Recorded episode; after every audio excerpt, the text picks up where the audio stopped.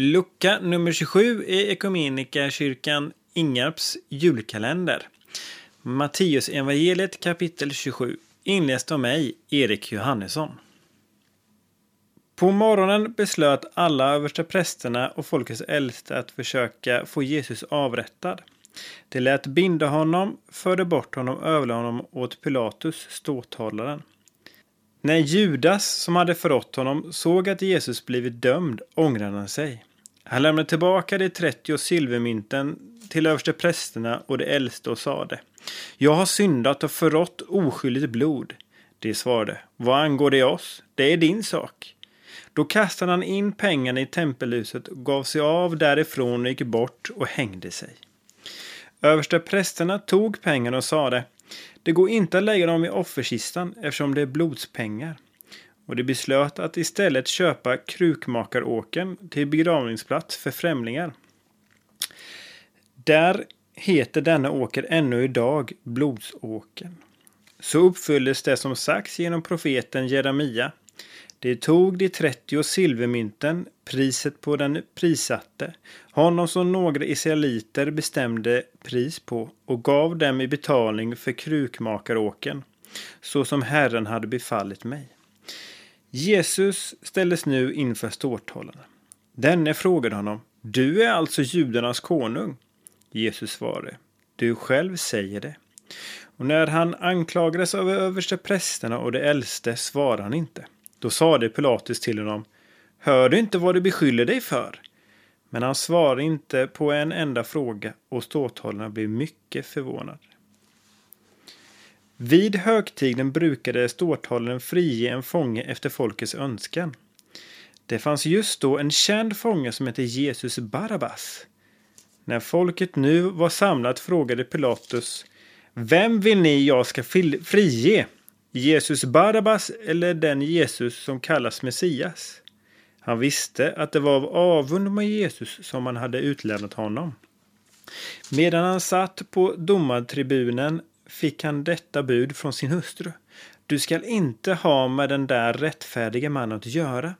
Jag har haft mardrömmar i natt för hans skull. Men överste prästerna och de äldste övertalade folket att begära Barabbas fri och få Jesus dödad. Ståthållaren sade nu till dem Vilken av de båda vill ni att jag ska frige? De svarade Barabbas. Pilatus frågade vad skall jag då göra med den Jesus som, ni, som kallas Messias? Alla svarade, han skall korsfästas. Han frågade, vad har han gjort för ont? Men de ropade ännu högre, han skall korsfästas. När Pilatus såg att ingenting hjälpte utan att oron blev värre tog han vatten och sköljde sina händer inför folk och sa Jag är oskyldig till den här mannens blod. Detta får bli er sak. Men hela folket ropade Hans blod må komma över oss och våra barn. Då frigav han Barabbas, men Jesus lät han prygla och utlämna honom sen till att korsfästas. Då förde ståthållarens soldater Jesus till residenset och samlade hela vaktstyrkan omkring honom. De tog av honom kläderna och hängde på honom en röd soldatkappa och vred ihop en krans av törne och satte den på hans huvud och stack en käpp i hans högerhand på honom. Sen föll de på knä för honom och hånade honom och sa Leve judarnas konung! De spottade på honom och tog käppen och slog honom i huvudet.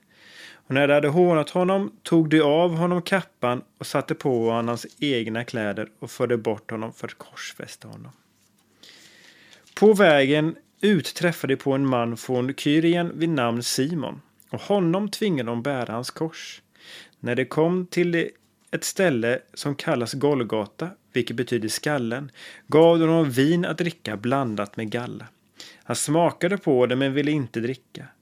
När de korsfäst honom delade de upp hans kläder genom att kasta lott om dem. Och sen slog de sig ner där och, och vaktade honom. Ovanför hans huvud hade de satt upp anklagelsen mot honom som löd Detta är Jesus, judarnas konung.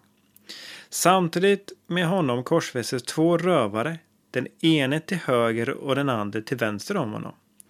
De som gick förbi smädade honom och skakade på huvudet och sa Du som river ner templet och bygger upp det igen på tre dagar. Hjälp dig själv nu om du är Guds son och steg ner från korset. Översteprästerna, de skriftlärda och de äldste gjorde också narr av honom och sa Andra har hjälpt, sig själv kan han inte hjälpa. Han är Israels kung, nu får han stiga ner från korset, så skall vi tro på honom. Han har satt sin lit till Gud, nu får Gud rädda honom om han bryr sig om honom. Han har ju sagt att han är Guds son. På samma sätt blev han skymfad av rövarna som var korsfästa tillsammans med honom. Vid sjätte timmen föll ett mörker över hela jorden och det varade till den nionde timmen. Vid den nionde timmen ropade Jesus med hög röst Eli, Eli, lema sabachthani, vilket betyder Min Gud, min Gud, varför har du övergivit mig? Några som stod där hörde det och sa Han ropar på Elia. En av dem sprang genast bort och tog en svamp, fyllde den med surt vin och satte det på en käpp för att ge honom att dricka. Då sa den andra, låt oss se om Elia kommer och hjälper honom. Men Jesus ropade än en gång med hög röst och gav upp andan. Då bröst förhänget i templet i två delar, uppifrån och ända ner. Jorden skakade och klipporna rämmade och gravarna öppnade sig. Många kroppar av avlidna heliga uppväcktes och efter hans uppståndelse lämnade de sina gravar och gick in i den heliga staden och kunde ses av många. När officerarna och de som bevakade Jesus tillsammans med honom såg jordbävning och det andra som hände greps av stark fruktan och sa Den mannen måste ha varit Guds son. Det var också många kvinnor som stod längre bort och såg på. De hade följt med Jesus från Galileen för att tjäna honom. Och bland dem var Maria från Magdala och Maria som var Jakob och Josefs mor och modern till Sebedaios söner. På kvällen kom en rik man från Armataja som hette Josef och som, hade, som också hade blivit lärjunge till Jesus. Josef gick till Pilatus och bad att få Jesu kropp.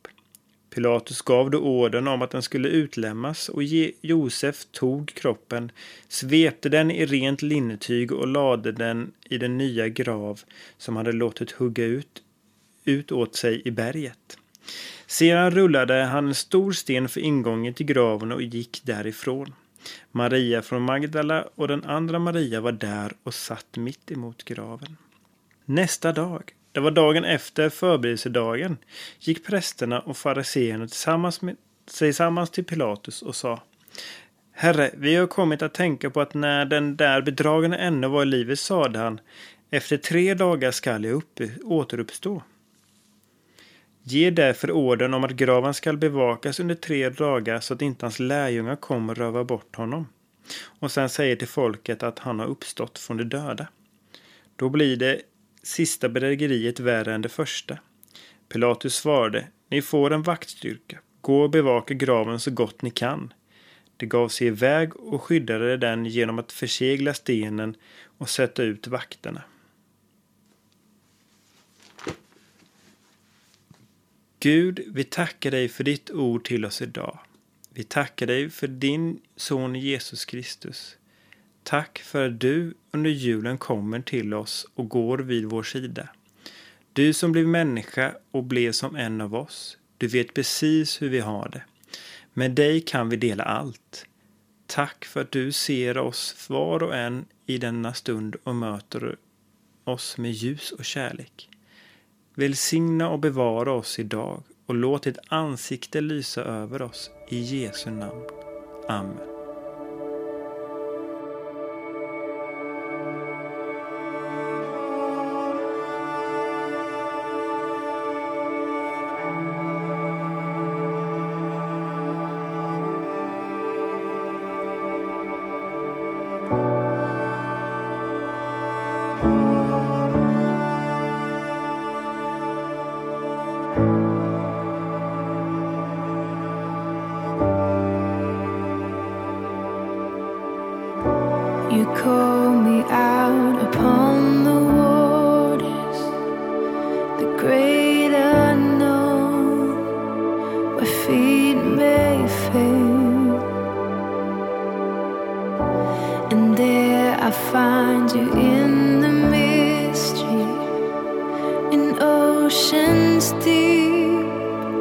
My faith will stand.